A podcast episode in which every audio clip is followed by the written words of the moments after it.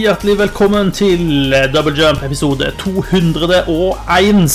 Mitt navn er Marit Kjørmo, og jeg eh, har kommet til den delen av året hvor vi begynner å klage på hvor varmt det er ute. Eh, Endelig får vi litt godt vær, og det tåler vi jo dårlig. Eh, Med meg i klagekoret er mm, Gøran Solbakken, Ja, klage, klage. Susanne Berget Det er så varmt at jeg kommer.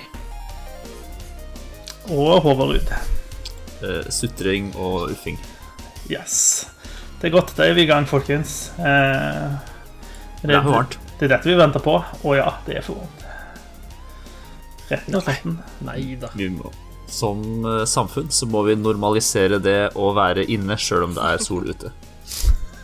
Det, det, det er godt vi, har er gått i bresjen for dette i mange år nå. Så det, Ja, det er 2020. Wake up, sheeple.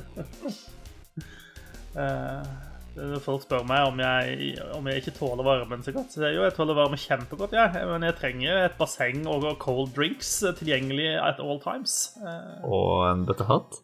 det, det goes without saying. Altså, Ja. det er ingenting i veien for at du kan gå med bøttehatt om vinteren. Så det går bra.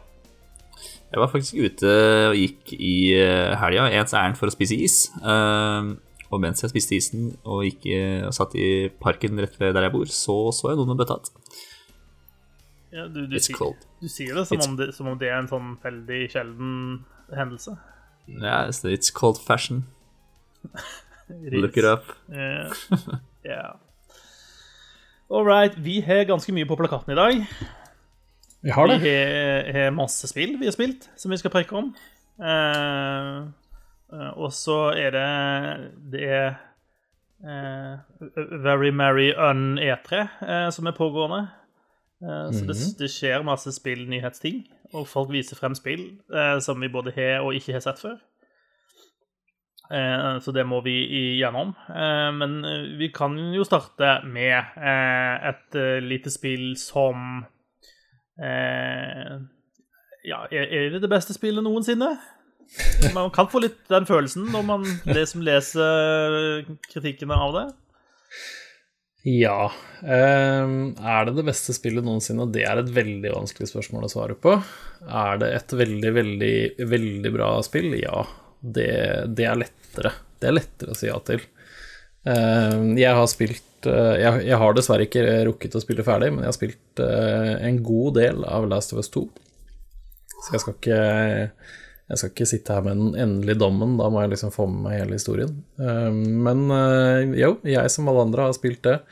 Det har jo fått eh, rasende gode kritikker fra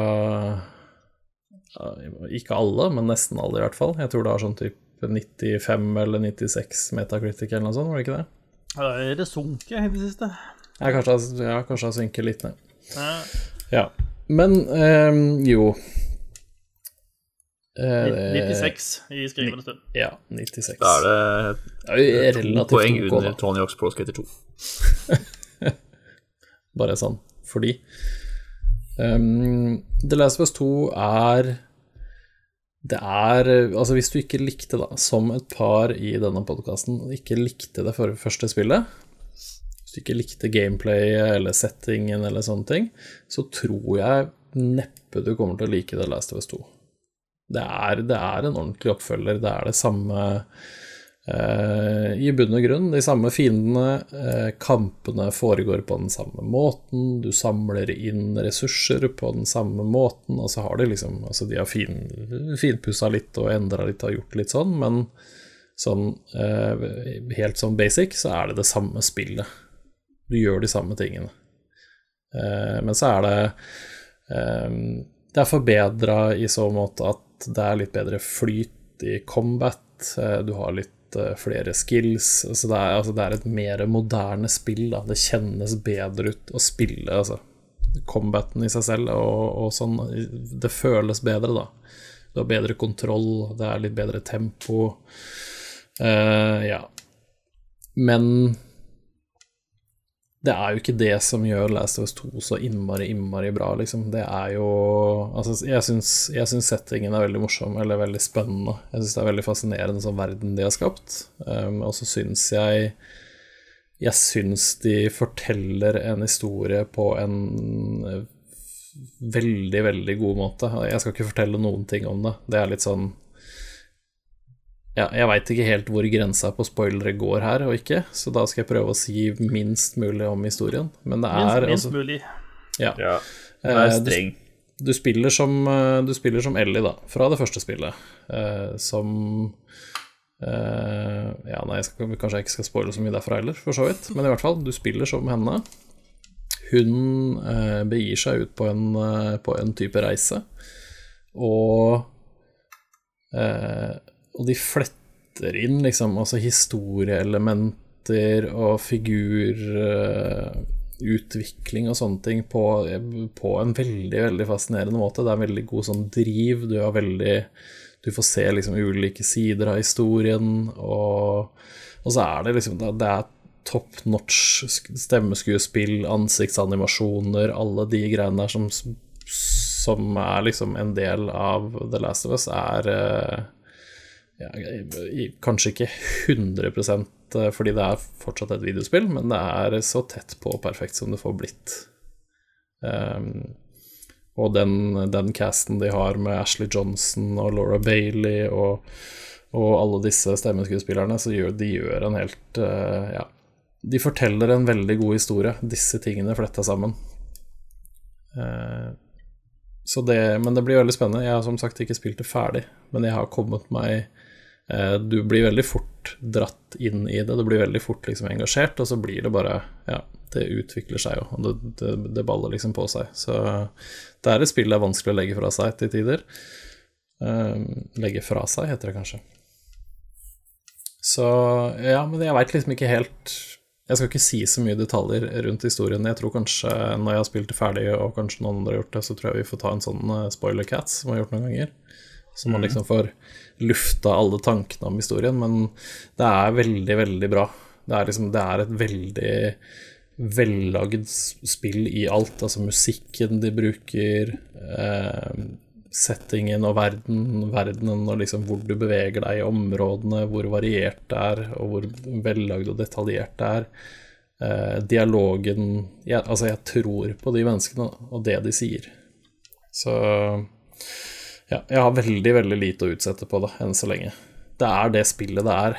Eh, om du liker det eller hater det, det, det får være opp til hver enkelt. Jeg syns det det er gøy. Jeg syns det Altså den de intense sånne snikerundene der du hører sånne clickers og disse monstrene som lager de fæle lydene og sånn, det er eh, Det gnager ordentlig godt inn i ryggvargen altså. Eh, Med, med lyddesign og lydeffekter og sånn. Så det Nei, jeg, jeg, jeg skjønner veldig godt skrytet. Jeg er veldig spent på å se hvordan historien dras i land. Og så skal jeg si endelig da, men enn så lenge så er det et uh, knallbra spill.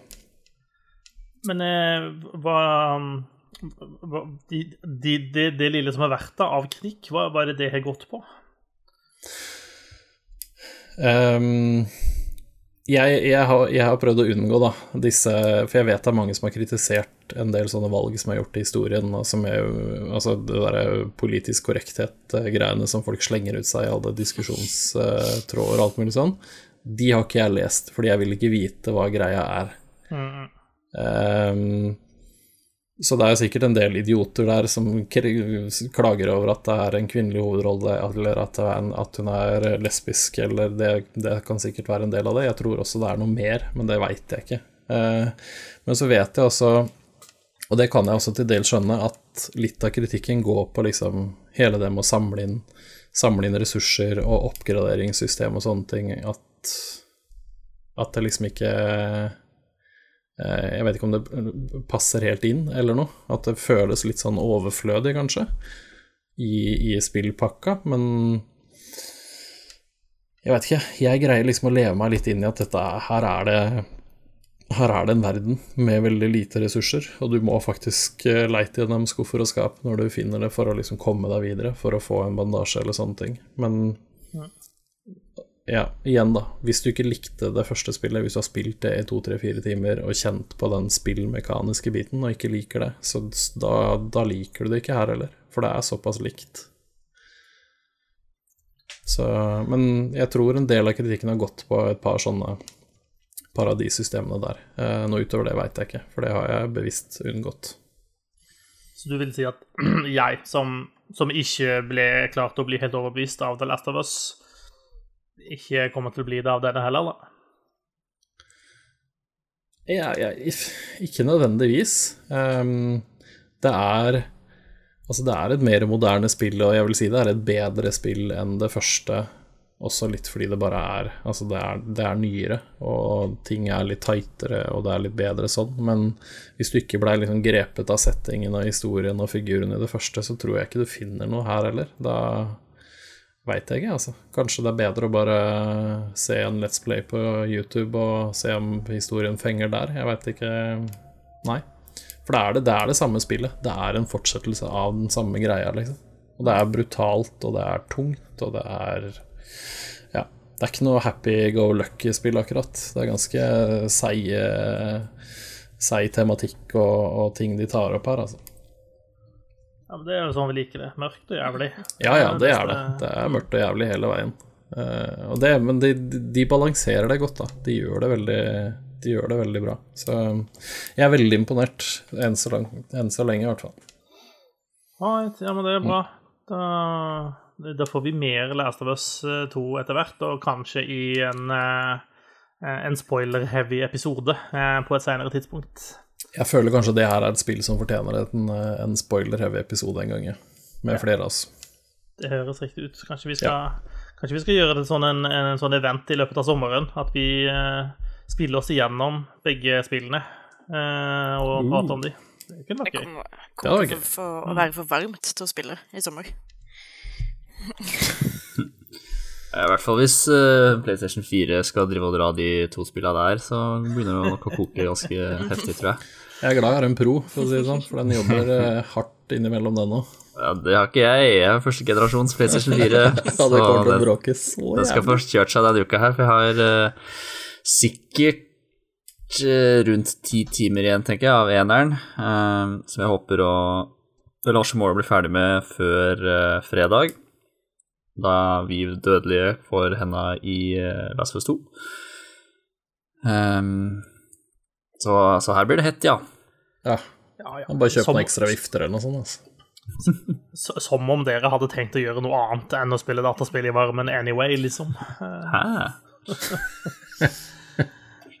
ja, ja. Nei, eh, veldig bra enn så lenge. Jeg er veldig, veldig investert og klar for å se spillet ferdig, og så er jeg veldig spent på hvor de drar den. Ja, mm. ja men den er god. Eh, da kan jo jeg ta dere med til et sted som ikke er fullt så varmt. Eh, til Skyrim. Det er mye skit der òg. Eh, ja, det skjer ting.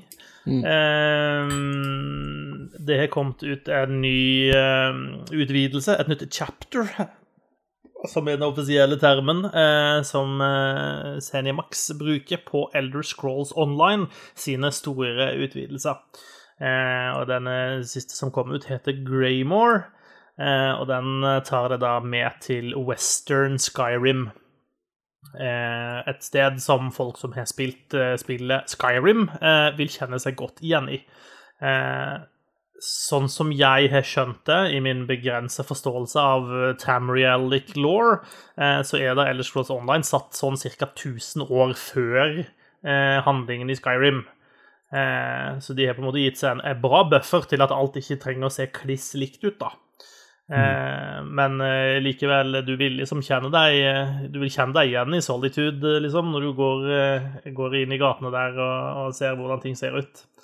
Eh, så det er definitivt eh, en god del hint og vink til, eh, til de som har spilt et par timer med Skyrim før.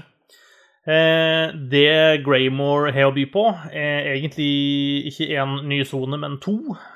For, for Western Skyrim er en ganske svær sone med massevis av oppdrag, en egen sånn Main Quest, eller Zone Quest-linje eh, som er ganske utfyllende. Men det er på en måte en, det er egentlig en dobbeltsone, fordi de har også en sånn undergrunnsverden under eh, Western eh, Skyrim.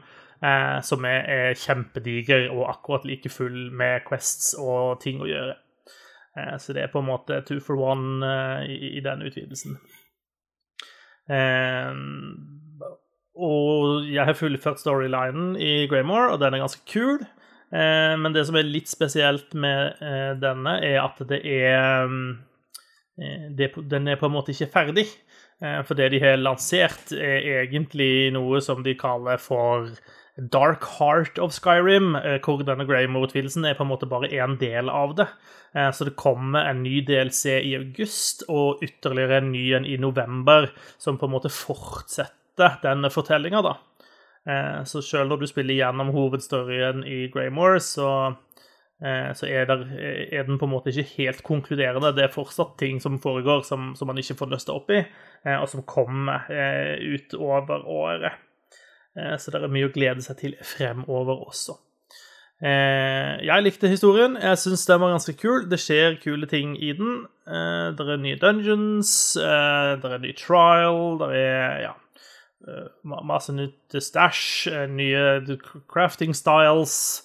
ja, alt det du på en måte måtte forvente skulle være her. I tillegg så har de lansert et nytt system som heter noe sånn som eh, Antiquities-system. Eh, og det er ganske artig, eh, fordi da kan du egentlig reise rundt i hele Elder Scrolls-universet og grave frem gamle antikviteter. Det høres kanskje ikke så gøy ut, men det er det faktisk. De har greid å få det til å bli ganske morsomt. Ja, da er det på en måte to ulike sånne minigames som de har introdusert. Det er en for å scrye eh, frem eh, hvor ting ligger gravt hen, og så en egen en for å faktisk grave opp eh, disse tingene. Eh, og de tingene du graver opp, kan være alt ifra på en måte verdifulle skatter som du kan selge for litt penger, eh, eller det kan være eh, ut, altså klær eller ting som kan endre utseendet til karakteren din. Eh, eller det kan være furnishing som du kan ha i huset ditt. Um, og de har på en måte lagd en hel haug med sånne antiquities som da tilhører uh, alle de ulike sonene, uh, som er fryktelig mange etter hvert i Elder Online. Så de har på en måte gått tilbake i alle de gamle sonene og lagt inn sånne antiquities. så det er en hel horde med sånne du nå kan grave opp, om du vil. I, og selvfølgelig er det ulike skill lines for å bli flink til dette, og ulike vanskelighetsgrader, sånn at de beste tingene må du jo være veldig flink for å kunne grave opp.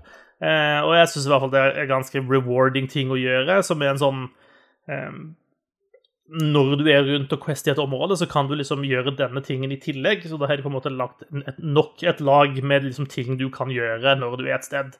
Um, det syns jeg iallfall er ganske gøy. da. Ja. Eh, jeg vet ikke, det er mer du mener vi bør legge til om Greymore, eh, Gøran? Du har jo også vært med og spilt det. Jeg vet ikke om du har fullført Quest-linen, men eh... Nei, jeg eh, Jeg måtte hoppe inn som helt fersking i, i Elder Scrolls 1, fordi jeg fant ut at jeg har, av en eller annen grunn så har jeg spilt eh, mest på amerikanske servere. Eh, og det går jo ikke overens med den europeiske, så jeg måtte begynne fra start av. Hoppa rett inn i Skyrim. Eh, og så kjente jeg at det her er litt eh, det, det, her blir litt sånn eh, forvirrende, og så har jeg litt lyst til å oppleve historien fra, fra starten av igjen. Så jeg har egentlig begynt, og så har jeg kjørt meg gjennom hele, hele den første delen av liksom Main Quest.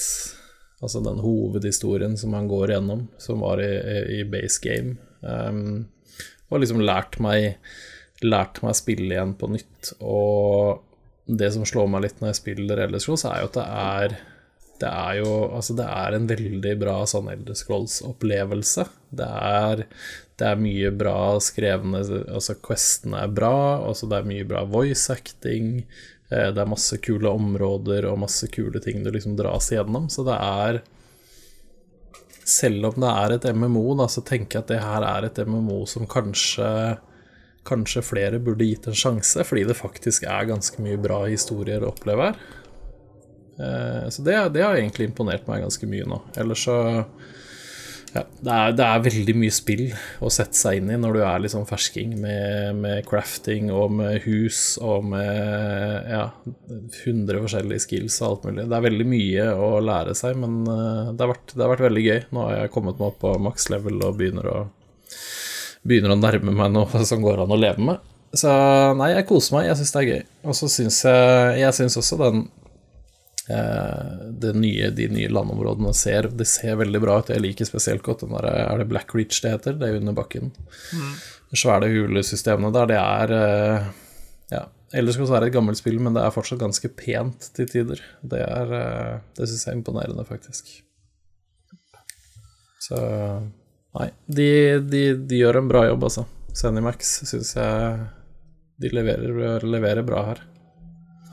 De gjør det, og jeg tror eh, mottagelsen har vært ganske bra også. Så jeg tror folk, eh, folk er fornøyd og syns at den eh, Graymore hadde mer å by på enn eh, bare en ny sone, som, som, er litt sånn eh, kritikken som har vært mot noen av de foregående utvidelsene.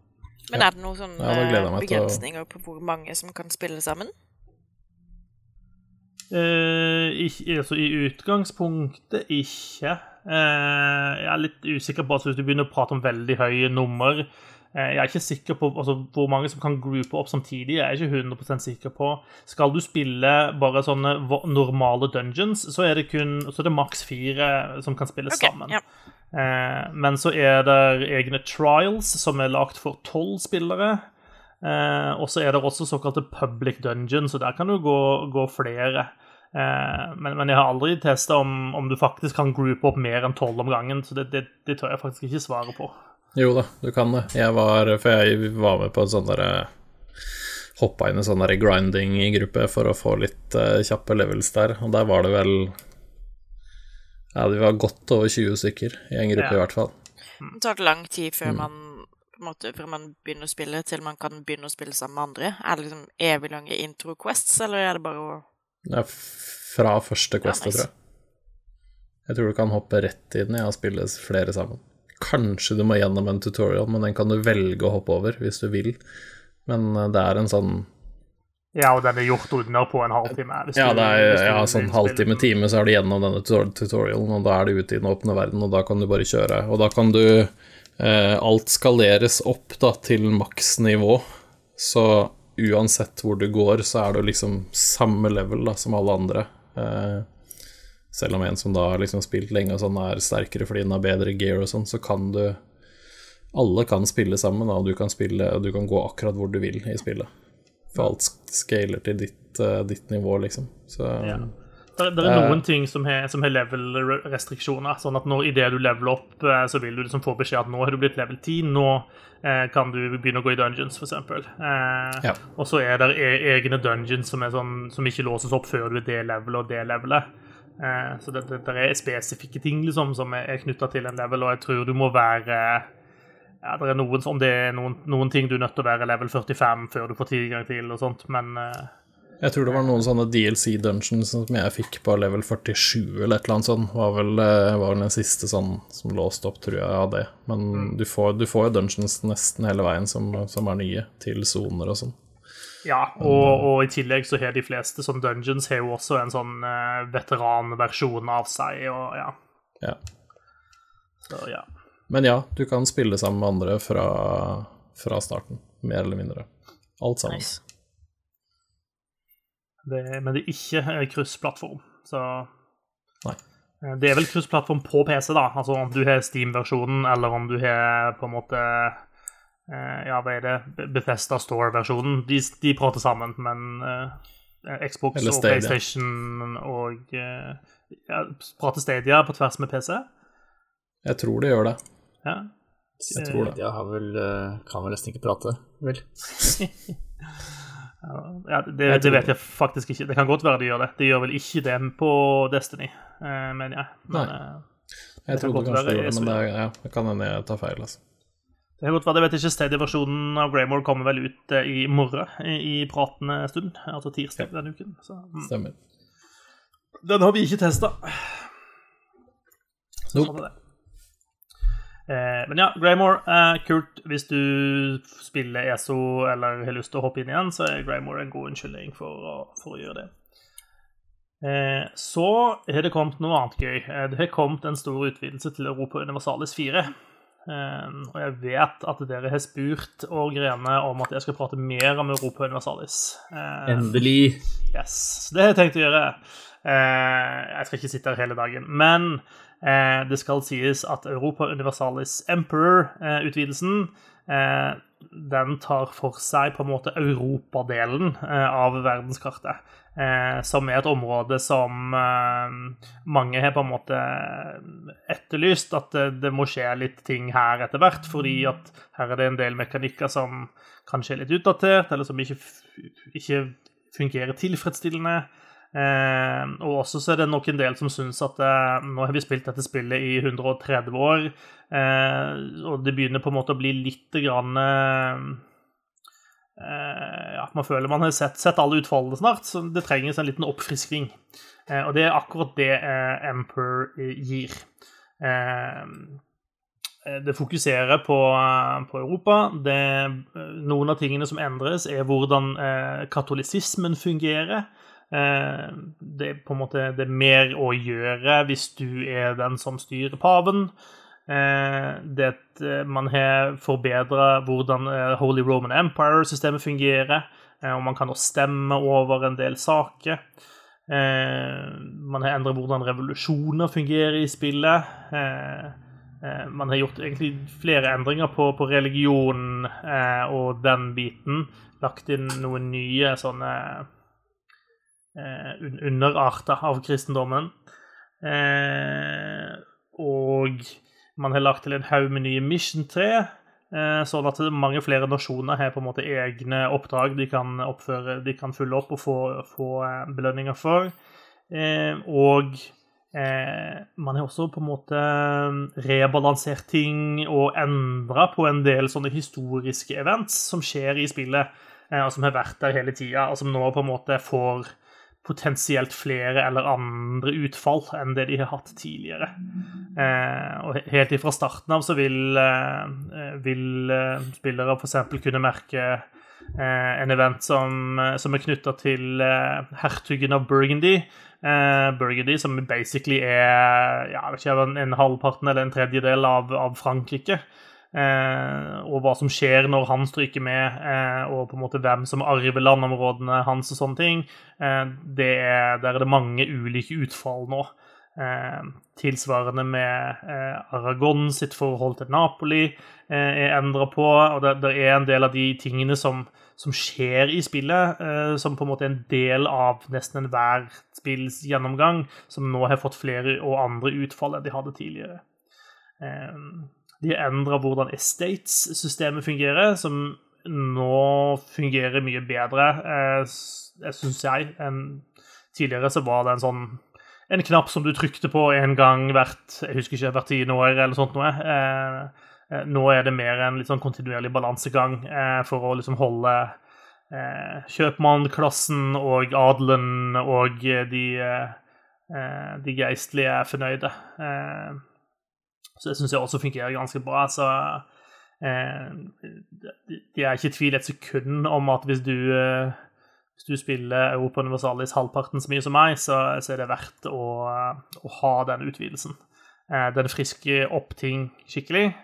Eh, det eneste er at det, det, føles jo litt som at når de nå gjør denne reformeringen av liksom Europaområdet, eh, så er nok dette den siste reformeringen av Europaområdet, på en måte. Så kanskje det på en måte begynner å eh, bevege seg i retning av at det skal komme et nytt Europa Universalis en gang i fremtida. Hvem vet? Sa han med håp i stemmen. Ja, det, det håper jeg jo. Eh, Selvsagt. Jeg er klar for å kjøpe utvidelser i 100 år til, jeg, så det går bra. Men ja. ja. Emperor worth the buy hvis du spiller Open Osalis, ingen tvil. De er gode på DLC-en der, altså. Det skal de virkelig ha. Mm. Det er de, og jeg syns eh, Paradox er generelt flinke på det, og jeg syns Europa Nosalis er kanskje der de er best også. Så mm. det, de lever opp til det ryet, syns jeg, her eh, nå, altså. Eh, så skal jeg si to ord om Civilization 6. Eh, for de lanserte her for en liten stund siden eh, et slags season pass. litt sånn plutselig. New Frontier Pass, kaller de det. Og det er i praksis da en rekke med mindre DLC-er-utvidelser som, som kommer. Som den første har kommet, og flere kommer utover året og til ut begynnelsen av eh, neste år. Eh, og den første biten som er kommet, den legger til to nye sivilisasjoner som begge hører hjemme på det amerikanske kontinentet. Det er maya-indianerne, og det er Gran Colombia. Eh, to sivilisasjoner som eh, jeg syns eh, var litt kjedelige, begge to, skal jeg innrømme. Eh, nå er jo Civilization et spill som man kan spille på veldig mange måter, da, og jeg syns ikke at de var veldig tiltalende for måten jeg spiller på. Mayaene er på en måte lagt litt for hvis man ønsker å spille ganske, med ganske små nasjoner, da. Eh, mens jeg er kanskje litt mer ekspansjonist når jeg spiller. Eh, Således kan kanskje Gran Colombia passe bedre, men, men jeg syns heller ikke det var i en retning av en sånn optimal spillestil. Så, det, var, det er kult at vi fikk litt flere amerikanske eh, for det trengte spillet.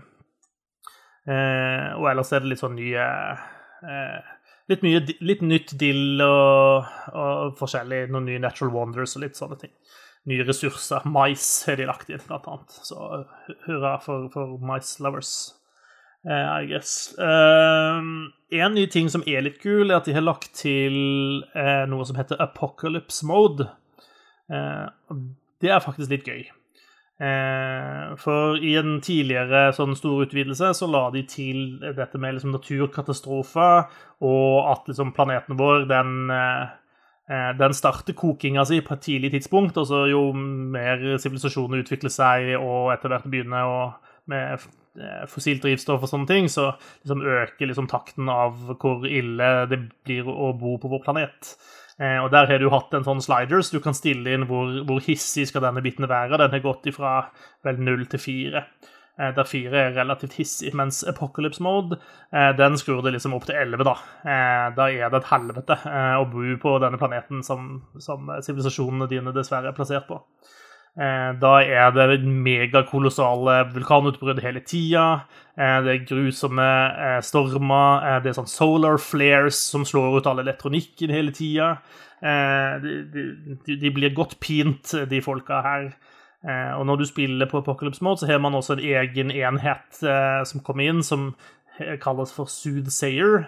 Og det er i praksis ja, jeg vet ikke hva som er et god norsk oversettelse på det, men, men for å si det sånn, da, du kan eh, gjennom den Soothsayeren så kan du ta noen av de sivile enhetene dine og ofre de med å dytte de opp i en vulkan eh, for å tilfredsstille gudene og håpe at de roer ned eh, dette sinnet sitt.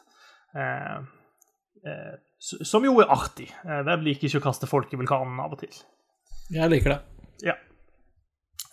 Så, så den er ganske artig. Eh, Foreløpig så vil jeg, vil jeg gi en sånn Kanskje ikke kast deg på å kjøpe Season Pass du, før du vet hva du faktisk får for det. Eh, det tenker jeg generelt er en god grunnholdning. Eh, de har jo gitt, eh, sagt noe om hva som kommer, da. Neste utvidelsespakke kommer i juli. Der, der vil Etiopia bli innført som en sivilisasjon, og det kommer en ny spillemodus. Eh, I september skal det komme to nye sivilisasjoner og en ny spillemodus. I november skal det komme én ny sivilisasjon og en ny spillemodus. Eh, og vi vet ikke hva disse nye spillmodusene er for noe, så det, det er jo litt eh, spennende. En ny sivilisasjon og to nye ledere kommer i januar 2021. Og den siste pakken som er annonsert, kommer i mars 2021. og Da er det en ny sivilisasjon og en ny game mode eh, og et nytt kart. Så um, det, det er sånn det ser ut. Så er du sånn som sluker alt, så sure, men eh, jeg ville eh, jeg, jeg tror det er greit. Jeg ville venta litt grann, og eventuelt kjøpe de pakkene du har veldig lyst på. da. Tenker jeg er fornuftig. Tålmodighet, altså. Altså, Du får det jo ikke noe raskere, eh, selv om du liksom kjøper Season Pass, da. Nei. Dessverre. Sånn er det. Yes, det er Civilization 6 fortsatt uh, kult. Bra. Yes. Um, Håvard, Jørgen, du, eh, vi har hatt en sånn eh, føljetong med deg, for du er jo liksom uh, en sånn double jumps be a pro-modus gående. Ja, eller inntil nylig i hvert fall. Eh, Jeg har jo deltatt i Scrub Cup, som faste lyttere av denne podkasten sannsynligvis har fått med seg. Der var det sluttspill i helga som var, hvor uh, mitt lag Torblerone, eller Torblerone, hvis man vil si det på en, med en norsk uttale, kom til eh, semifinalen i uh, loser bracket. Um, hvor vi uh, da dessverre tapte vår andre kamp og røk ut av turneringa. Men det holdt jo til en fjerdeplass, så det var ikke verst, bare det. Selv om det var fjerde av sju lag, da. Men eh, det var i hvert fall ikke sist. Det kunne godt være. Det kunne det.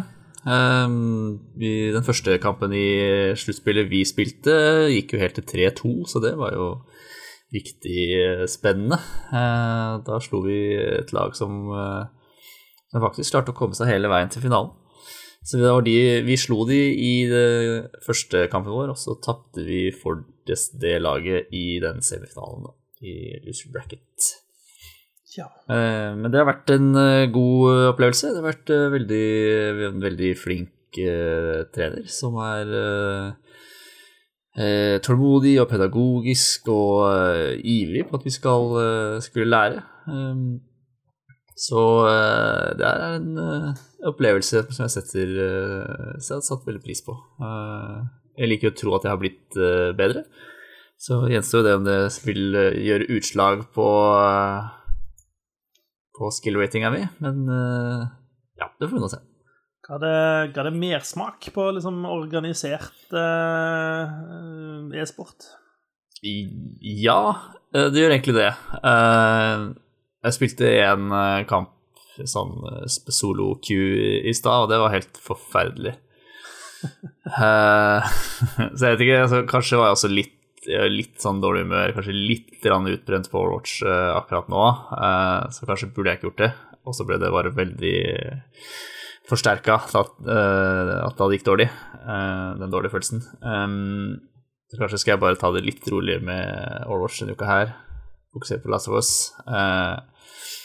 Og så eh, komme til sterkt tilbake senere. Um, vi hadde en sånn liten prat i laget etter, eh, etter siste kamp i går, og alle var jo for så vidt enige om at vi kunne godt tenke oss å uh, forbli et lag, da. Og spille kanskje ukentlig, kanskje et par ganger i uka.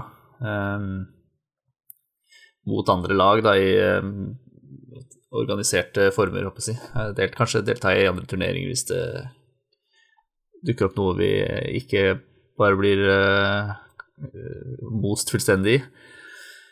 Eh, så vi får se hva vi, hva vi gjør videre. Men vi kommer i hvert fall til å holde kontakt, i hvert fall, tror jeg. Det har vært artig å følge. Jeg har fått sett noen av matchene dine også. Uh, så det syns jeg har vært, vært skikkelig kult, altså. Ja, det var jo litt dust med sluttspillet at eh, kampen gikk samtidig som Overwatch League, og da har Blizzard lot ikke Blizzard Scrub Cup får lov å streame kampene som gikk da. Eh, Et eller annet eh, ganske trist mindreverdighetskompleks eh, der. Hvor de av eh, 40 000 serier ikke kunne låne bort 50. eh, Det syns jeg er ganske dårlig.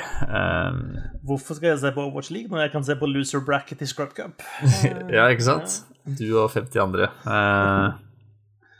Ja, det syns jeg faktisk er direkte dårlig. Det er vil, vil være kjempebra for community å ha sånne ting. Eh, så får det liksom ikke fulle potensial, da, fordi Blizzard er smålige. Ja. Men, men. men, men. Jeff, please. Vi tar det opp med Jeff eh, på, på neste møte. Ja, neste korsvei. Det høres ut som en plan. Eh, hva med deg, Susanne? Skjer det noe spennende i, i livet ditt om dagen? Ja, så, Drukner du i katta? eh, nei, de har heldigvis blitt uh, tatt litt av varmen, de også. Så nå, nå er det ikke så mye zoomies. Nå er det mer uh, hjelp, vi dør, det er så varmt. Mm. Ja. Eh, men ja, nei, her er det full fart og fres og moro eh, stort sett døgnet rundt. Eh, jeg lever et utrolig spennende liv. Så, så, Ja. så bra. uh, nei, eh, kanskje det mest spennende som har skjedd uh, her Følg med på neste sesong av bloggerne. Uh, Nei, det mest spennende som har skjedd her i gården, sånn spillmessig i hvert fall, har vel vært den nye revealen til Bungie og starten av den nye sesongen i Destiny 2.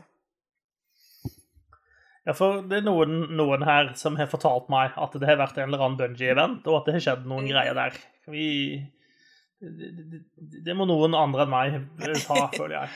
Ja, nei, altså Bunji har jo hatt en reveal i forbindelse med starten av den nye sesongen i Destiny 2, Season of Arrivals, hvor uh, Darkness endelig har kommet til um, The Last City on Earth og er klare for å gjøre et eller annet uh, vanskap.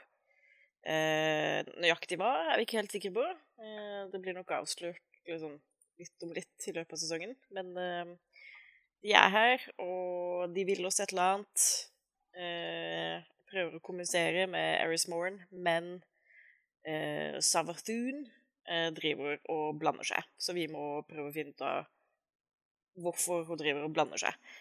Det er liksom hovedkonseptet for den nye sesongen. Men det Bungie avslørte i, i den store mobilen sin, var jo planen deres de neste tre årene.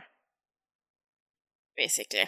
Eh, de har planlagt tre store utvidelser, hvorav den første, som heter Beyond the Light, kommer eh, nå i september. Eh, kan allerede forhåndsbestille, så det har vi jo så klart gjort. Ja, eh, det regner jeg med dere også har. Ja, alt, alt står på autobuy. Ja, ja, ja. Eh, neste år så kommer The Witch Queen, og året etter det så kommer eh, Hva var den het? The Fall of Light, tror jeg. Det var de kalte den. Eh, så det blir veldig spennende. Det er mye innhold de neste tre årene. Det som er kult, er jo at de har gått ut og sagt at det blir ikke noe Destiny 3. De, det er ikke noe de jobber med. Eh, det de kommer til å gjøre, er å fortsette å bygge på Destiny 2. Skal vi se, Lightfall er det tredje utvidelsen det heter. Eh, så de kommer til å fortsette å bygge på Destiny 2, men for å kunne gjøre det, så er de nødt til å rullere ut litt gammelt innhold. Eh, sånn at ikke Destiny 2 blir som eh, Call of Duty, som har sånne der 90 gigabyte eh, oppdateringer hver eneste gang du skrur på PC-en. Så eh, med jevne mellomrom så rullerer de ut eh, på eh, innhold som ikke er så populært lenger. Putter de i et vault. Destiny Content Vault. Eh, og når det har gått en stund, så henter de ut nye ting, gir, gir det en liten refurbish, eh, og putter det tilbake i spillet når de rullerer ut andre ting. Eh, som, er som er gult. Det gjør at spillet ikke blir så sykt bloated. Uh, I tillegg så har de også sagt at uh, de nye utvidelsene uh, kommer med hver sin nye location, som vi aldri har vært på før. Så i september så får vi besøke Europa, som er månen til Jupiter. Kan det stemme? Ja. Ja. En av månene til Jupiter. Eh, det er kult. Og de skal også introdusere en helt, et helt nytt element eh, som heter stasis. Eh, så da får man liksom fire elementer å, å velge mellom. Som alle har liksom tre subclasses, på en måte. Så her kommer det til å bli himla mye å more seg med fremover. Så det, skjer jo veldig mye spennende. Eh, jeg er jo så klart eh, på kjøret igjen og driver og grinder eh, engrams og eh, gear og tjohei, sånn at jeg kan bli høy nok light level til å ta den nye dungeon som heter Prophecy. Eh, som eh, tar oss med litt videre inn i verden til eh, The Nine og storyline til Drifter. Den kan bli litt interessant, og hva jeg har sett av den dungeonen, så ser den Den ser helt sprø ut. Den, den ser ut som uh, Altså Bungie sin take på control, basically. Uh, alt er veldig spasa. Opp er ned, svart er hvitt, uh, høyre er venstre. Det kommer til å bli veldig morsomt, tror jeg, å få prøve den. Først må man grinde litt. ja. Så veldig spennende reveal av, av Bungie. Eh, men det som kanskje var kulest, eller best med hele sendinga, eller livestreamen, var at de åpna den med eh, 8 minutter og 46 sekunder med stillhet. Og en progress bar som bare viste deg hvor, hvor lang tid 8 minutter og 46 sekunder er. Og det var jo så klart i forbindelse med, med eh, politidrapet på George Floyd for, eh, for en stund tilbake. Og så, eh, ja, når de åtte minuttene var over, så var det så klart her er det vi har tenkt å gjøre i forbindelse med Black Lives Matter-bevegelsen. Her, kan du her kan du donere, her har du ressurser. Eh, get educated, fools, basically. Ja, men jeg vil ikke ha politikk i spillene mine. Ja, da kan du slutte å spille. It's as easy as that. Ja. Bifalles. Uh. Eh, Så det, ja. eh, Jeg gleder meg til å spille Destiny 2 fremover, og det er bra. Fordi dagen etter revealen så fikk jeg meg en Destiny-tatovering. Eh, Så jeg er veldig fornøyd med at jeg likte det de avslørte. Sånn at jeg ikke gikk til den timen og var litt sånn Ja, jeg vet at jeg booka denne timen for, for en måned siden, men nå vil jeg ikke. Tenk om du hadde vært en sånn klovn da, som eh, fikk eh, trusa på vranga av eh, at en spillutvikler tar et standpunkt i en viktig sak. Eh, sånn humanitær sak. Ja, eh, da vet jeg ikke om jeg hadde vært med på denne podkasten.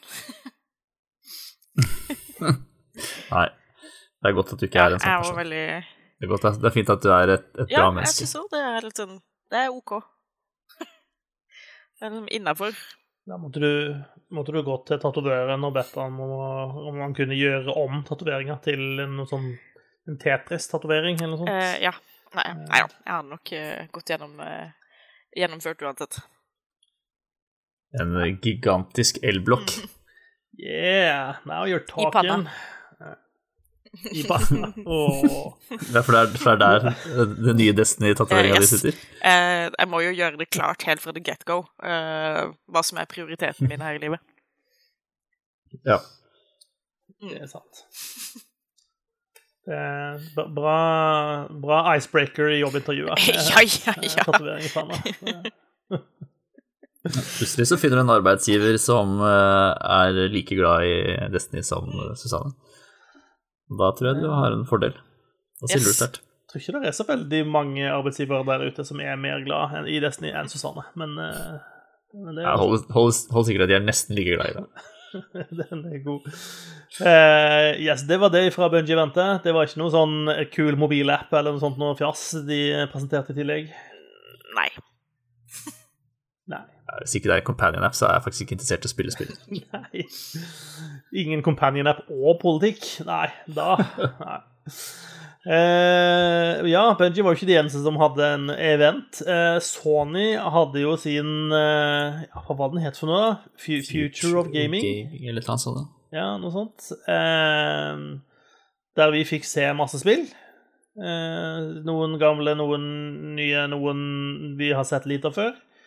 Eh, jeg har lagt meg en lang liste med ting jeg så vidt kanskje husker litt av, i ikke en spesiell rekkefølge. Eh, så vi får se om vi klarer å ta igjen hva det var. Men de starta jo showet med GTA 5, da. Så heseblesende, endelig. Endelig GTA 5. Jeg har bare eid den på to tidligere konsollgenerasjoner. Nå kan jeg endelig få Bare- den på en TV. bare- Er GTA 5 blitt den nye Skyrim? Bare to. Det er liksom Bare, det er altså- numbers. You gotta pump those numbers up. Men jeg, men jeg, jeg tror jo Bethesda ønsker uh, at Skyrim var GTA, for jeg tror GTA tjener ganske mye mer penger enn det Skyrim gjør. Uh, jeg tror de drar inn så sykt mye grunker uh, på GTA. Eh, og Det har de tenkt å fortsette med, tydeligvis. Og de hadde vel en eller annen sånn der nei, Hvis du kjøper GTA5 nå, så får du oppdatering eller oppgradering når eh, PCM kommer ut, og du får en million online cash i måneden, eller ja, something like that. Så du får lønn, til det? Ja, rett og slett borgerlønn i GTA Online. Eh, Ja, det er, er jeg tror jeg så et sted at uh, på den tida GTA 5 har vært ute, eh, altså på tilsvarende tidsspenn, da, så ga de ut hele San Andreas-trilogien uh, for Det må det bli snart 20 år siden, men ja. Um, Så ja, nå har du jobba med Red Dead Redemption 2 i mellomtida, da, men ja, eh, skulle til å si det. Eh, noe annet vi fikk se, som var um, Resident Evil Village. Eh, det hadde jo egentlig en ganske kul eh, trailer til seg. Mm. Det så ut som om de på en måte hadde klart å fange eh, en skikkelig sånn creepy stemning. Og så dukker det opp en eller annen eh, bolerkis som visstnok skal være Chris Redfield fra tidligere Resident Evil-spill. Eh, uten at jeg syns han ligner noe nevneverdig. Men eh, jeg blir fortalt at det skulle være han. Eh, jeg Det så innmari, det så innmari guffent ut, faktisk. Ja, det gjorde det. Det tok, Nå er jeg ikke jeg noen sånn stor Resident Evil-fan i utgangspunktet, så det tok litt tid før jeg skjønte at dette var et Resident Evil-spill. Eh, men det, mm. det tenker jeg det ikke nødvendigvis trenger å være negativt. da. Nei. Nei. eh, ja, nei, åh. Det, er- det, det blir guffent, men man må jo spille det, kjenner jeg. Ja, det, noen må ta en for laget eh, og våge seg utpå. Eh, men med, med masse lys i stua og lange pauser innimellom, så skal Oh, det vel gå greit. Ja. Eh, så fikk vi se eh, Spiderman Miles Morales. Det nye Spiderman-spillet som er en DLC som ikke er en DLC, men en standalone som bygger videre på det forrige spillet, men som ikke er en toer. Ja, Det greiene her har de kløna til noe jævlig. Det er kommunikasjonen rundt den, eh, det der, ikke bra. Nei. Det er et nytt Spiderman-spill. Eh, det er frittstående. Du trenger ikke ha, ha, ha det andre, eller det, det, det forrige, for å Men hvis du ikke har det andre, eh, hva feiler det deg? Ja. Ja, det- ja, det er et veldig godt spørsmål, faktisk. er jo missing out. Du har nesten et halvt år på deg til å rette opp i den, eh, den feilen før Miles Morales kommer ut. Yes. Eh, ser ut som mer Spiderman, eh, ser ut som mer Miles Morales. Det ser eh, kult ut, er vel eh, konklusjonen. Ut ifra hva jeg har sett, sett av bildene og sånn, så har det en litt sånn eh, Into the Spider-Verse-vibe, og det liker jeg veldig godt. Ja, for han har litt, sånn, eh, litt andre krefter enn det Peter Parker har. og sånn, Har det ikke det? Jeg tror det blir, eh, traileren så veldig kul ut. Og så håper jeg de drar med seg litt av samme stilen på soundtracket som eh, i filmen òg. Cool. Så det blir, det blir Post Malone hele veien gjennom eh, New York. eh. Ja, han skal du få bilde av meg, men det er mye annet bra der. OK, da. Ja. Uh, vi fikk se Gran Turismo 7, uh, og det gjør vi jo alltid når man skal vise ut frem ny hardware, fordi ting ser pent ut i Gran Turismo. Ja. Og det gjorde det denne gangen også. Det blir et nytt Gran Turismo-bilspill, det. Ja, Mm. det gjør det. Det ser ut som Gran Turismo, bare penere enn det forrige. Ja. Ja. Trenger du mer detaljer? Jeg tenker at Hvis du er en sånn som spiller sånne spill, så er det det du trenger. for å kjøpe en ny en. Altså Hvis du kjøpte de forrige de seks tidligere Gran Turismo-spillene, så tenker jeg at da du trenger ikke å vite mer at dette er Gran Turismo 7. Det er nyere og penere. Vær så god. biler. Yes. Du vet, du vet om du skal kjøpe det eller ikke, liksom. Allerede. Ja, jeg tror også det. Eh, nytt Ratchet and Clank. Rift Apart. Ja, altså Hadde Jonas vært her nå, så hadde han begynt å grine. Eh, men Jonas er ikke her, så det blir veldig lite tårer. Ja, Så jeg har ikke Jeg har ikke noe forhold til Ratchet and Clank overhodet, men jeg syns det her ser litt gøy ut. Spesielt den derre hoppinga mellom verdener, som er liksom nesten instantaneous, så vidt jeg kunne se. Eh, og det er jævlig kult. Enig. Det var noen, Jeg hørte en eh, annen spillutvikler som prata det, som sa at de, de egentlig så lurer de deg. Det er ikke instantaneous. Det er en sånn én til to sekunders eh, lasting som de bare skjuler for deg. det der. Men, men, men ja. Å oh, oh, nei. cool. Å, en til to sekunder med, med lasting, hallo. Hvor, hvor mange konsoller har ikke jeg spilt Skyrim på? Eh, jeg, vet, jeg vet en ting eller to om lastetider. Det, har timevis på lasteskjermer Det var en sånn eh, et nettsted Dette er tilbake midt på, to, eller på den siste halvdel av 2000-tallet, da Halo 3 var eh, en ting, og jeg spilte Halo 3 online. Ehm, den henta data fra Halo 3-kontoen din og viste deg hvor lang tid du hadde sittet og venta på response. Eh, Det, er dårlig gjort, ass. Det er skikkelig dårlig gjort, Det var eh, ganske deprimerende etter hvert, så, så det slutta jeg med å sjekke, da. ja. Det er litt som om noen skulle fortelle meg hvor lang tid jeg har brukt i heisa i Mass Effect. Eh, Og det verste er at noen ganger så tok man jo heisen fordi eh, Ja, men jeg har ikke tatt heisen med den og den karakteren samtidig før. Tenk om de sier noe artig til hverandre, da. Eh, så driver du og trigger loading screens bare for liksom å høre at de, om de kanskje sier noe. Ja. Eh, sånn, sånn var det back in the days. Men eh, Ratchet and Clank ser, ser kult ut, da. Ja, det så litt gøy ut, men, eh, og det ser ut som det er veldig sånn, høy produksjonsverdi på det, men jeg vet liksom ikke overbevist om at dette er et spill jeg kommer til å synes er gøy. Um, men jeg har ikke spilt Ratchet Clank uh, før, da, så det kan hende bare, bare jeg får prøvd, så er det min ting. For det er jo sånn plattformhopping og sånn innimellom der, og det syns jeg jo egentlig er veldig gøy. Jepp. Eh, så er det noe som heter Project Athea.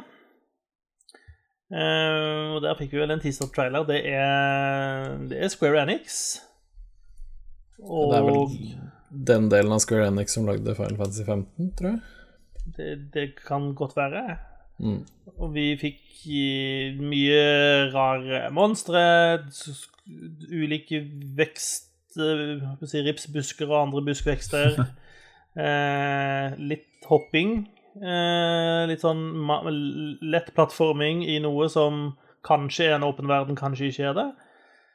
Jeg syns det så morsomt ut, det. Ja. Ja. Det så ut som et spill jeg kan eh, like. Ja, det tenkte jeg mens jeg satt og så på, at dette er uh, Gjøran-materiale. Ja. Apropos at eh, synes hvis Jonas hadde vært her, og vi hadde snakka om Ratchet Clank, så hadde han begynt å grine. Eh, jeg kom nettopp over et innlegg av han på Facebook hvor han bare har liksom tre grinefjes og linka til traileren til Ratchet Clank. ja, altså, vi tulla ikke, vi mente det er helt bokstavelig. Jonas hadde begynt å gråte litt. Ja, han, han posta jo det samme emojiet umiddelbart i i chatten vår også, da, da Ratchet Clank rulla på skjermen. Ja, Stemmer det.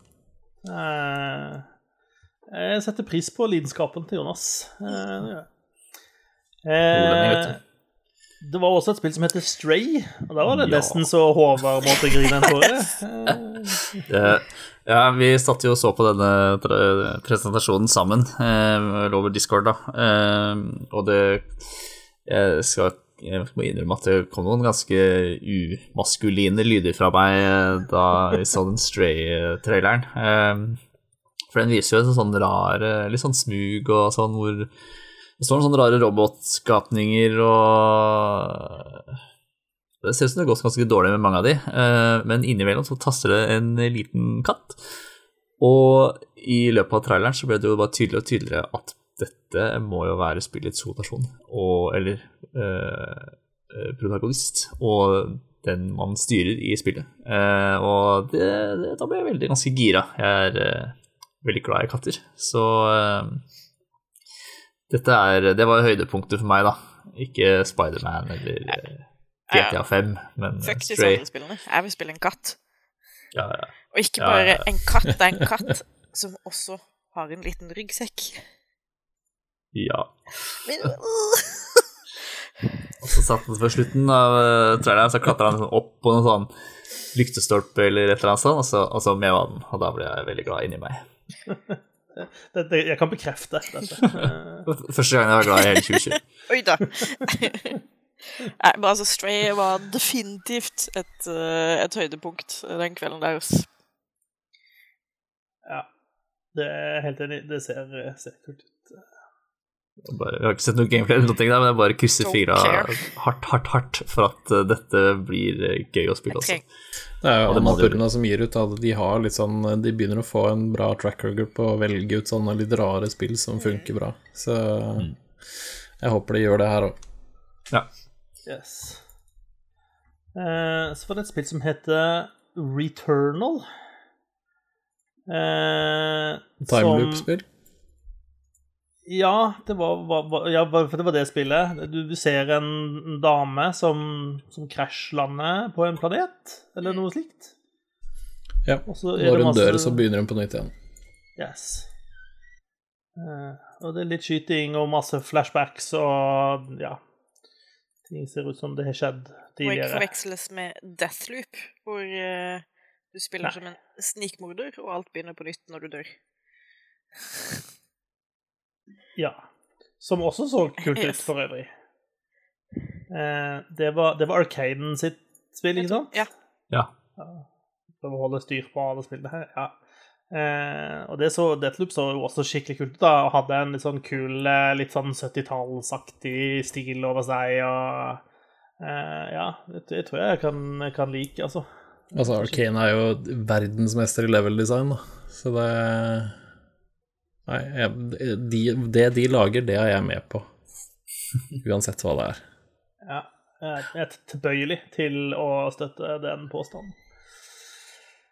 Eh, Så fikk vi se Sackboy igjen, for de som har savna si, eh, maskotten fra Little Big Planet. Han skal ut på eventyr. Ikke bare det, han skal ut på et 3D-eventyr. Oh, For A Big første gang. Adventure eh, heter det i hvert fall. Eh, og det er et uh, 3D-plattformspill. Big, big planet. Ja. Ja, det, det syns jeg også så gøy ut. Uh, ref eh, plattformhopping og meg. Ja. Eh, og så fikk vi se Ghostwire Tokyo. Som er litt sånn en sånn trailer som starter som Å, litt sånn kult, å, vi er i Tokyo, og det er litt eh, fremtiden og sånn. Og så bare tar den en turn for the scary ganske umiddelbart. Uh, ja, litt sånn og Er det liksom- det spillet der hun veldig sjarmerende dame hadde en sånn eh, presentasjon på E3, eller noe sånt? Er det det spillet her? Hun som seinere slutta? Ja, ja hun som alle forelska seg i. Ja. Det, det, tør ikke jeg si. Det kan godt være. Jo, det var vel det. Uansett, okay. uansett legning så forelsker vi oss i denne japanske dama som viser viste fram uh, Ja. Ghostfire Tokyo. Ja, jeg tror det. Hun slutta vel. Nei, men det, det, det så rart og annerledes og kanskje morsomt ut. Ja, og skikkelig Og, og veldig japansk. Veldig japansk. Det er liksom ho hodeløse skolejenter som trasker rundt og sikkert ikke har lyst til å være hyggelig med deg. Eh, Og mye paraplyer også. Mye paraplyer, eh, det er riktig. Eh, og, og litt sånn Altså, det er på en måte noe sånn digitalt element med liksom denne eh, Mm. Altså, det var noen andre som kommenterte det, at det ser ut som et skrekkspill hvor du som spiller har superkrefter. Noe som er ganske uvanlig, fordi skumle spill som regel gjør nærmest det motsatte, så det på en måte tar stort sett ifra deg liksom evnene dine for at du skal være hjelpeløs, fordi at da er det på en måte føles ting skumlere og sånt. Men her ser det ut, i hvert fall, som hovedpersonen driver og kaster magi og, og gjør alt mulig sånn overnaturlige ting, da. Mm. Det er sant. Så jeg er spent på hvordan det blir, om det, om det også på en måte blir kanskje litt mer i retning av sånn som Control er, eh, enn en et sånt klassisk horrorspill, kanskje. Ja, det skal Jeg det har så. fikk litt Mm. control-vibber av det. Og jeg syns det så ganske Ja, lovende ut. det er sant. Mm. Og så fikk vi se Hitman 3, eh, noe som jeg gleder meg kjempemasse til. Eh, det så ut som Hitman, da, kan vi jo si. Eh, og det er jo nøyaktig det jeg vil at det skal være. Så mer, mer Hitman, takk. Mer Hitman, Ja, det- mer rare ting å bruke for å ta livet av folk med. Ja. Yes. Ja, de har jo prøvd seg på litt sånn eh, Hitman-varianter hvor det ikke er Hitman, og det, det Ja, uten hell. Jeg tenkte jeg skulle si vekslende, men uh, The Absolution var vel uh, Vi kan vel være enige om at det ikke var kjempevellykka. Det var jeg håper å si, den, den ene tingen som nesten tok livet av Agent 47. eh, Det var det spillet der. Mm. Men uh, ja i, i, Det er gratis på Google nå, forresten, tror jeg. Eller Yes. det var i hvert fall for den. Hvis du har lyst til å pine deg gjennom en gang til, så now's the time. Eh, Demon Souls får en remake til PS5. Oh, shit. Ja, da tenkte Gøran at nå må jeg kjøpe meg PS5. Ja, det var da jeg, det var da jeg merka Det var da jeg sa ifra til kona at uh, sorry, du får ikke noe julegave. Jeg må kjøpe PlayStation 5. Det var, det var da jeg bestilte min nummer to. Etter, første bestilte jeg for Stray, selvfølgelig. Nei, det Ja, det, den gleder jeg meg til. For det er litt sånn uh, Ja, det er liksom opphavet til alle disse Souls-like-spillene. Så Ja, det så bra ut. Ferdig snakka. Ferdig snakka. Ehm, skal vi se uh, Deathloop har jo vært innom Horizon Forbidden West. Ja! Yes! Bare, kjøp, bare kjør rett Ja, ja, inn i blodet. Intravenøst.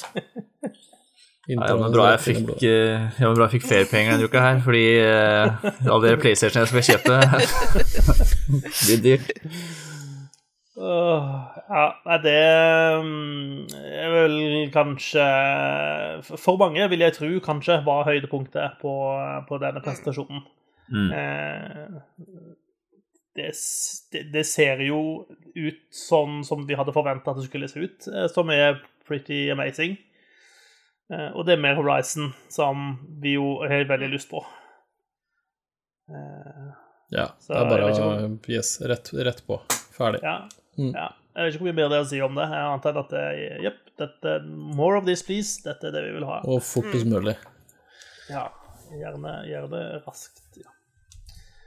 Eh, Godfall det, det kan jeg si at når jeg og Håvard satt og så dette i lag så det, liksom det, Tanken som begge slo oss da når vi så den, det var eh, 'Denne tar Gjøran', tenkte vi. Ja. Var vi inne på noe der, eller? Ja, altså det, er mange spill jeg syns var morsomme her, men jeg vet at Godfall er et sånt type spill som jeg, som, som jeg ikke trenger å krangle for å få, få testa i denne podkasten. Det, det, var et- det var et Gjøran-spill, det er riktig, det. Jeg Trenger ikke ser- invest- investere i kølappsystem for, for, for den tittelen, nei. Nei, gjør nok ikke det. Nei, det, det Ja, vi har sett litt sånn glimt av gameplay fra det før, og det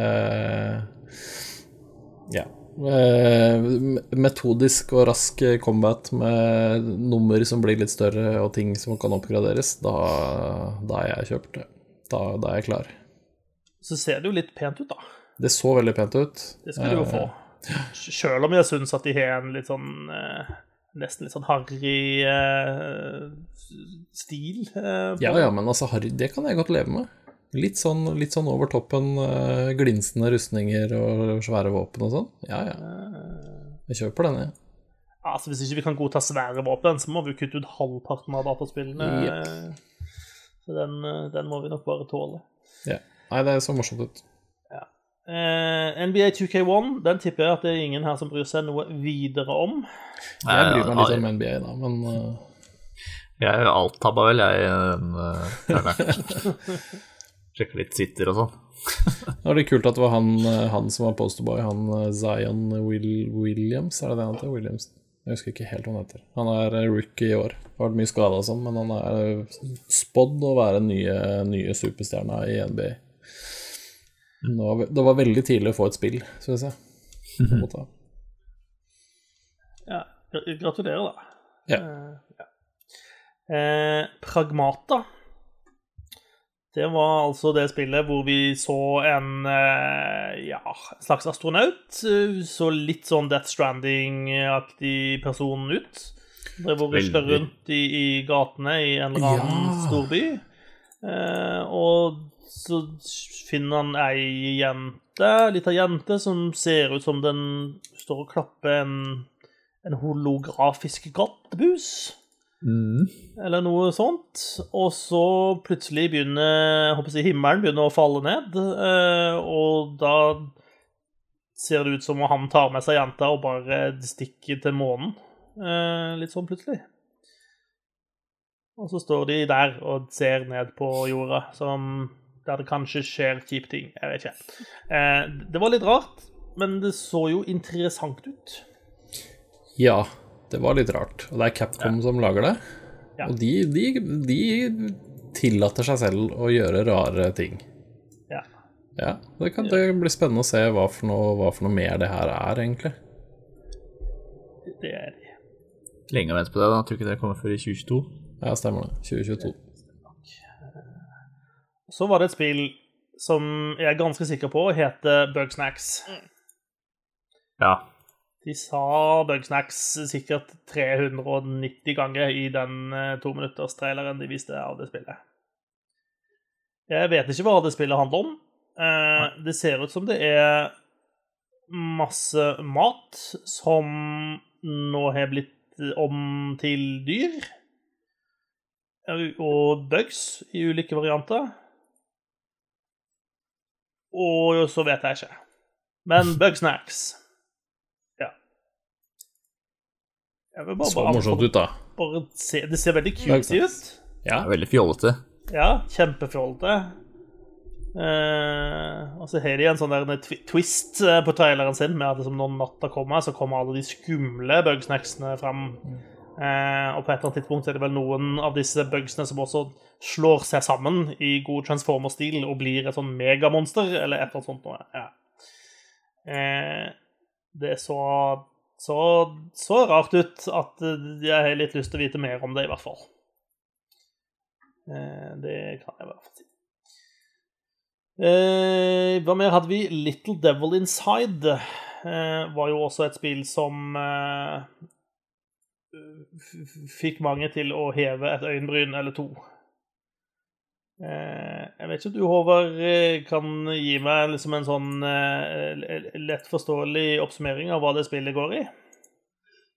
Nei, jeg vet ikke helt. Det er en eh, liten fyr som løper fra store monstre. En del, i hvert fall. Um, Det så litt ut som en sånn cutesy Monster Hunter, kanskje. Litt utvida. Så var det mye rart i denne traileren. da. Plutselig så switcha de til en sånn gammel fyr som eh, var på ute og handla, og så lå han og sov, og så satt han på do, og så Satt i badekaret? Ja. Det, uh, ja, jeg ble ikke veldig, veldig klok på den uh, traileren akkurat. Men uh, det så ut som det var en kul combat der. Selv om vi fikk bare et lite glimt på fem sekunder kanskje med combat. da. Um, så er det en sånn fiffig, litt sånn Raving Rabbits uh, grafikkstil-ish. Um, Altså, de, sånn, de sånn offisielle beskrivelsene de har jo etter hvert liksom blitt så innholdsløse at du ikke lenger skjønner hva det går i. Men eh, PlayStation eller Sony da kaller det eh, an action adventure RPG with survival elements set in an atmospheric semi-open world. Ja. Så da vet du hva det Det går i. det dekker jo 70% av alle spill som Ja. finnes, da. Nettopp. Det si, sier, Ja. sier meg jo egentlig ingenting. Ja. Det var ikke roguelike, da, så det er jo noe. Ja. Nei da, det er noe. ja. s- det ser jo artig ut, for så vidt. Uh, så jeg er veldig spent på hva slags rolle han gamle mannen spiller oppi det hele her. Ja. Kan jo være at gamle mannen er gutten, bare i fremtida. Kanskje det? Hørte det her først, kanskje? De ble vel også sett sammen, ble det ikke det? da? Starten av traileren. Jo, men av og til så må du møte deg sjøl i døra. Eller sånn. Kanskje det er en sånn looper-situasjon? Har du tenkt på det? Kanskje det. Denne tiden er det jammen lenge siden. Mm. Det er med Bruce Willis og han eh, Hva heter han? Kjekkasen i Looper? Gordon-Levitt. Gordon Levitt, ja. Mm, stemmer. Et annet spill eh, vi fikk se, var Oddworld Soulstorm. Jeg vet ikke, jeg har ingen forhold til Oddworld. Eh. Ikke jeg heller. Jeg lurer på om jeg i, i Dette er gamle, gamle dager. eh, Spilte Oddworld på en leid PlayStation, for det kunne man gjøre før, på videobutikker. Stemmer det. Og bensinstasjoner, til og med. Og av bensinstasjoner. Så jeg tror kanskje jeg spilte Oddworld en helg når jeg lånte en PlayStation for lenge siden. Det er omtrent det jeg har av eh, erfaring med den serien. Men det er jo et plattformspill, Håvard. Ja, nei, jeg har faktisk aldri spilt uh, Oddworld. Uh, Fantes ikke på konsollen jeg hadde i gamle dager. tror jeg. Det ser ut som, som det er sykt fine cutscenes i spillet. Ja. Eh, Og så, så er gameplay plattforming, som jeg jo ikke liker. Så da, da blir jeg liksom ikke så gira. Eh, Men uh, sikkert uh, noe å følge med på, om det, om det når opp. Um, Det var egentlig de spillene jeg hadde tenkt å trekke frem, men det var jo en del andre indie-spill også. Jeg vet ikke, Er det noen flere som dere Vi kan ikke avslutte uten å nevne Kina Bridge of Spirits, faktisk. Ja? Det så Det uh, ser kjempesøtt ut. Det ser, det ser Ja. kjempegøy ut. Eh, litt sånn Zelda-aktig og eh, Ja, det ser dritbra ut. Det var eh, i tillegg til Stray eh, stort høydepunkt Nei. Det minte meg veldig om et spill jeg fikk veldig vibbe fra. Hva var det het? Jeg tror det var et release-spill på 360. Noe sånn uh, eh, dame med noe elemental et eller Ja, annet. ja. Det er det, er det Rare-spillet, det. Ja. Uh, ah. Heter det noe på uh, Nei. Var det et eller annet på K? Var det det? Ja, jeg skulle til å si K, altså, men så ble jeg litt usikker om jeg bare sitter og tenker på Kina. Cameo. Cameo Elements of Power. Å ja, det var jo et kjempegøy spill. heter det. Mm. Så jeg fikk litt sånn vibbe som det, da, bare i en ny, uh, ny, ny drakt, for å si det sånn. Uh, Ja. ja. jeg er enig. Det så også en kul, kul stil på spillet. Uh, hmm. Det blir litt spennende å se hva det der Goodbye Volcano High hva det, hva det er for noe. Ja, det også er jeg veldig nysgjerrig på. Ja. Det jeg fikk litt sånn Pojack Horseman-vibber av det. Eh, og den serien er jeg, er jeg veldig glad i, så hvis de er uh, skrenser borti, så tror jeg jeg kan like det. Men eh, Det var det dinosaurspillet, det. ja. Med, som ser ut som en sånn der dinosaur high school drama-ting. ja. Mm. Jeg fikk litt sånn Night in the Woods-vibber fra det, så det, det er jeg litt spent på også. Slutt. Mm.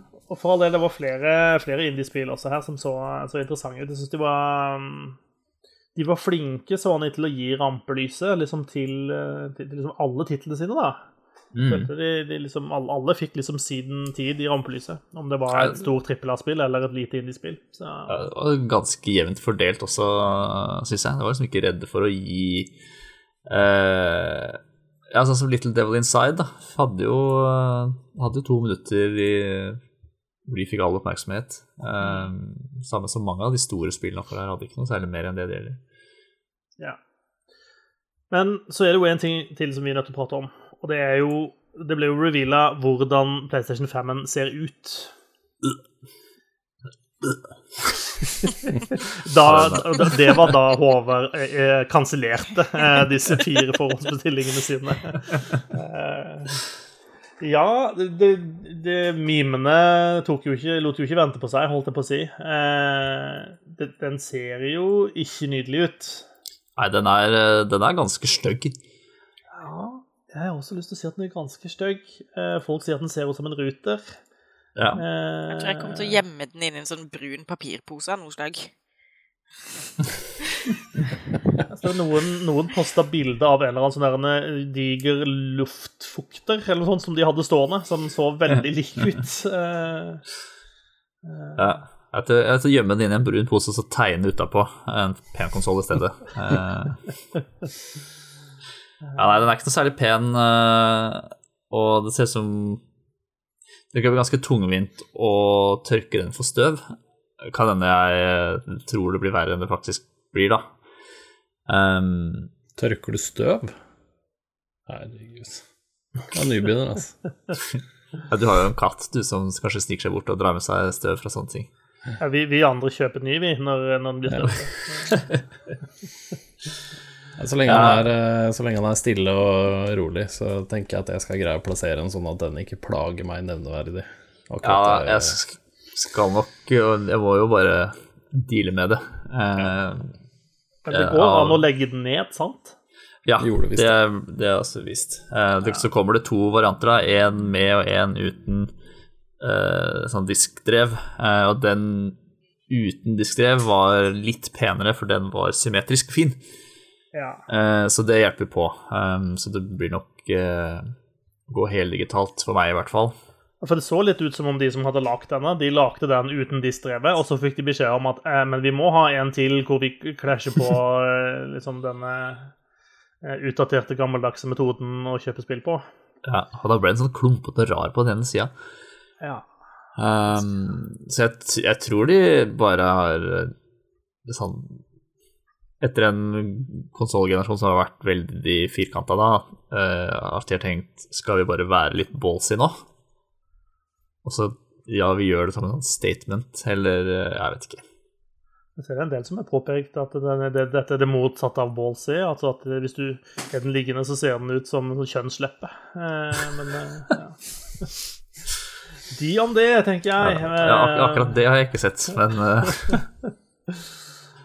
Men ja, det, det, det, ser ikke fabulous ut. eh, Og Sony har vært ute og sagt noe om at det kommer til å komme sånn custom designs og sånne ting. Og på spørsmålet om det kommer en som er helt svart, så har de sagt kanskje. Altså, det var noen som hadde lagd en sånn uh, mock-up med sånn Miles Morales eh, edition, og den hadde jeg kjøpt. Ja, sant. Og så tar du med håndkontrollen, så du slipper Mm. den der grusomme hvit-svarte tingen de har lagt der. Altså. ja, den, må, den må komme Kontrollen den må jeg ha helt svart, ellers så Det kan være mange rare farger, men den kan ikke være sånn som den er nå, i hvert fall. Ja, nei, den, eh, det, det er en tabbe. Hvis noen i Sony hører på, så ta dette rådet, rådet gratis. Ja. Fiks it. Fiks, fiks, fiks kontrollen. Den ser ikke ut. Den er jo om mulig enda styggere enn konsollen. Det står i stil, da, syns jeg. Jeg har jo hvitt i dag, så sånn sett så er det for greit for meg. Uff. Ja, nei, der er det forbedringspotensial. Men eh, vi fikk ikke noe pris ennå. Nei. Så vi vet ikke hva den skal koste. Mye tror jeg vi kan legge oss Ja. på. Det er jo ikke tenkelig. Ja, det virker som det er en litt sånn game of eh, chicken eh, mellom Microsoft og Sony. Om eh, ikke får vite når den skal komme, og ikke får vite hva den skal koste. De begge venter på at den andre skal si det først. Ja, klassisk, det. Der, der kan du styre markedsføringa bedre. Sant? Det- Og så lanserte de vel Ja, fikk du ikke på en måte rekka med her i kontrolleren, her er offisielle headset Ja. Jo, en fjernkontroll kunne du få. ja media remote, det, det, det føles veldig ti år siden, altså. Ja, det hadde jeg til Xbox 360, men det var bare fordi jeg fant den i en sånn tilbudskasse til ti kroner. Eller kanskje det til og med var 25. jeg tror, tror faktisk jeg har nøyaktig eh, samme historien. Eh, eh, ja. Men eh, det blir PlayStation 5, folkens. Det, det er confirmed. Ja. Yep. Jeg tror det blir min eh, I hvert fall den jeg har gjort anskaffelse først, om jeg ikke det blir begge på et eller annet tidspunkt. Eh, så er jeg så langt eh, litt mer keen på PlayStation 5 enn jeg er på Xbox Series X. Samme her, egentlig. Til tross for at jeg har vært Xbox, Xboxer eh, så lenge jeg kan huske. Det er bare lineupen til PlayStation er litt mer spennende. Mm. Ja, det er, det er spillene det går på. Så om jeg må I hvert fall i hvert fall putte konsollen i en skuff, så får det bare være. Mm. Får den bare være i en skuff, så lenge han har gode spill. Ja, nei, Det spørs nok om ikke det blir eh, Series X først på meg, tenker jeg.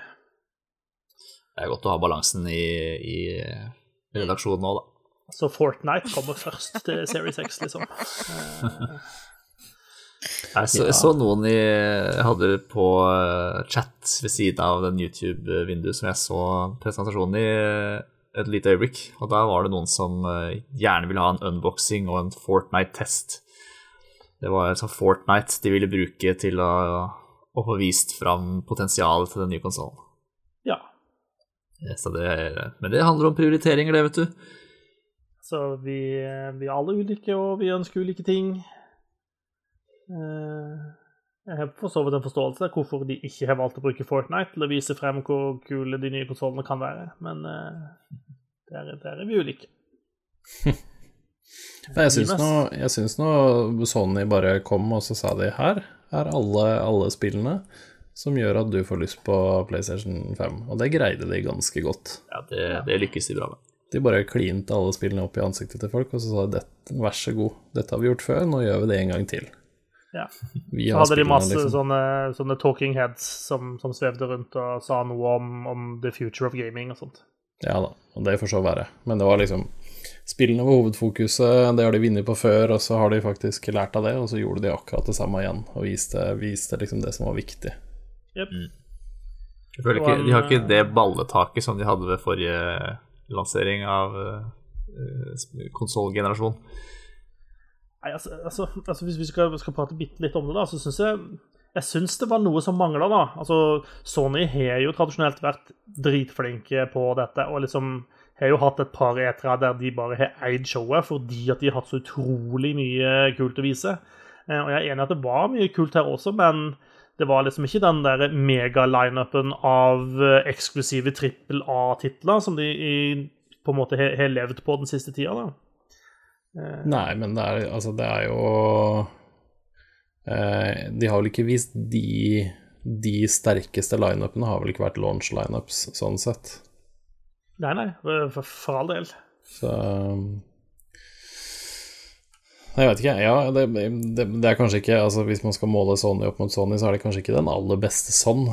Eh, et par av de etter showet deres som har vært, eh, har vært hakket hvassere, det. Men det var mye Jeg syns det var god variasjon i spillene her. Det er liksom alt fra ja, altså GTA5, da, som finnes overalt snart, til liksom Til rare Stray og til merkelige indiespill til Demon Souls. Altså det var en veldig, veldig god bredde på spillene de viste fram. Så jeg syns det, det var et veldig bra Veldig bra showcase. Og det er litt sånn Det er litt opp til Microsoft å svare på det, faktisk. Så Sony har liksom Sony ligger litt foran akkurat nå, og så må sånn Microsoft komme og liksom overbevise igjen på hvorfor du skal velge Xbox, på en måte. Ja, for de har jo drevet og delt opp og skal drive og ha sånn eh, litt, litt her og litt der eh, fremvisning av ting. Ja. De hadde en tidligere der de viste eh, mye, mye tredjepartsspill, og så skal de vel ha en ny en om ikke så veldig lenge, eller? Som skal på en måte vise mer, mer First Party. ja Husker ikke. Det stemmer helt sikkert. Jeg mener på at det er noe der det kommer, noe der på et eller annet tidspunkt. Skal vi se. Eh, ja. I hvert fall. Eh, det blir spill til de nye konsollene. Det ser ut som vi får ting å glede oss til. Ja. God konklusjon der. også Bugsnacks. Også Bugsnacks. Ikke glem Bugsnacks. Med det så tror jeg vi skal si at vi eh, nærmer oss eh, veis ende for denne sendinga. Eller Nei, vet du hva? Vi, vi, tar et, vi fikk et lytterspørsmål som jeg har lovt at vi skal ta. Det syns jeg vi skal ta før vi gir oss. Eh, det var jo fra eh, en fastlytter, Rune, eh, Hei, som Rune. gratulerte oss med 200 episoder. Eh, og som har spørsmål eh, rundt de nye konsollene som vi jo nå har sittet og prata litt om. Eh, han spør hva slags tanker har dere angående next gen, der Microsoft er veldig pro consumer med backwards compatibility, mens Sony kjører helt motsatt strategi, der de mener at en ny generasjon ikke bør holdes tilbake ved å måtte være kompatibel med den forrige. Han er spent på å høre hva vi mener om det, og han sier at han han sjøl eier begge konsollene og kommer til å kjøpe begge de nye. Ehm, Så ja, jeg, jeg, syns det er jo kanskje et litt lada spørsmål. Det, det, det må det vel, vel være lov til å si. Eh, Det er kanskje ikke så rart. altså sånn, eh, pro consumer er bra hvis du er consumer. Eh, det på en måte kan vi vel stille oss bak, alle sammen. Ja. Eh, nei, altså, jeg syns Microsoft gjør veldig mye sympatisk. Det syns jeg. Eh, og jeg setter pris på at når jeg kjøper en ny Xbox, så eh, er det vel vitende om at jeg kan spille alle de gamle spillene mine. Eh, det synes jeg er veldig, veldig, setter jeg veldig pris på, og det er noe som gir meg på en måte en trygghet når jeg skal kjøpe nye spill. Så vet jeg at eh, da kan jeg fortsette å spille det i fremtida. Eh, kanskje blir det slutt på etter hvert denne praksisen som spesielt Nintendo har vært skikkelig eh, kjip på, at du hele tiden må betale for å få spille de samme spillene om igjen og om igjen. Ja, de er verstinger, men fordi de er Nintendo, så slipper de unna med det. På en Ja. måte. Det er litt sånn Nintendo gjør det Nintendo gjør, og så er det, det er det litt greit. Men det er ikke eh, Det er ikke riktig at Sony ikke gjør det. Altså, de har vel allerede sagt at PlayStation 5 skal kunne kjøre Er det de 100 mest populære PlayStation 4-spillene ved launch? Det var et eller annet sånt i hvert Ja, fall, så ja. den er ikke, den er ikke, ikke bakoverkompatibel, men Microsoft er jo veldig Det her har vi snakka om mange ganger før, at de kjører veldig mye med Altså, ja, med, med Xbox GamePass og alle de tingene der, så er jo de veldig De bygger en plattform rundt tingene sine, ikke, ikke et lokka system sånn. Så er det, det er jo fordeler og ulemper begge. Det er jo veldig, det er veldig deilig å kjøpe et spill på, på Xboxen, og så bare fortsetter du på samme saven på PC-en. Det, er- det er helt gull, det. Istedenfor å ja og, ikke, og ikke minst fra, fra en Xbox-konsoll til den neste. Istedenfor Ja. å kjøpe Skyrim og GTA5 tre ganger på rad. Yes. Det er en fin ting. Så det er veldig fint at Microsoft driver det videre, men samtidig så tror jeg ikke De, de lever ikke på det aleine, da. Det er der Sony Det er der Sony dominerte på. I den forrige generasjonen i hvert fall, så var det det at de hadde de, hadde de eksklusive spillene, som bare dunka Microsoft litt på sidelinja ganske lenge.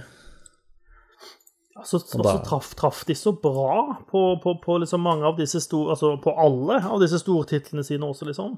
Jepp. Eh, Guerrilla fikk plutselig lov å gjøre noe annet enn å lage middelmådige skytespill, og liksom lagde Horizon Zero Dawn, som var fabulous. Eh, de lag, fant ut de skulle relansere God of War, og det ble liksom kjempebra spill. Eh, eh, de på en måte fant ut at nå skulle de la Naughty Dog gjøre noe annet enn å lage Uncharted, og jaggu meg lagde de ikke noe som var på en måte enda bedre enn det igjen. Så ja, virkelig truffet liksom blinkskudd etter blinkskudd etter blinkskudd. da. Spiderman kom ut og var det beste spillet som de noen gang har lagd, liksom. Ja. Eh, Det var, det, de har truffet så bra så lenge.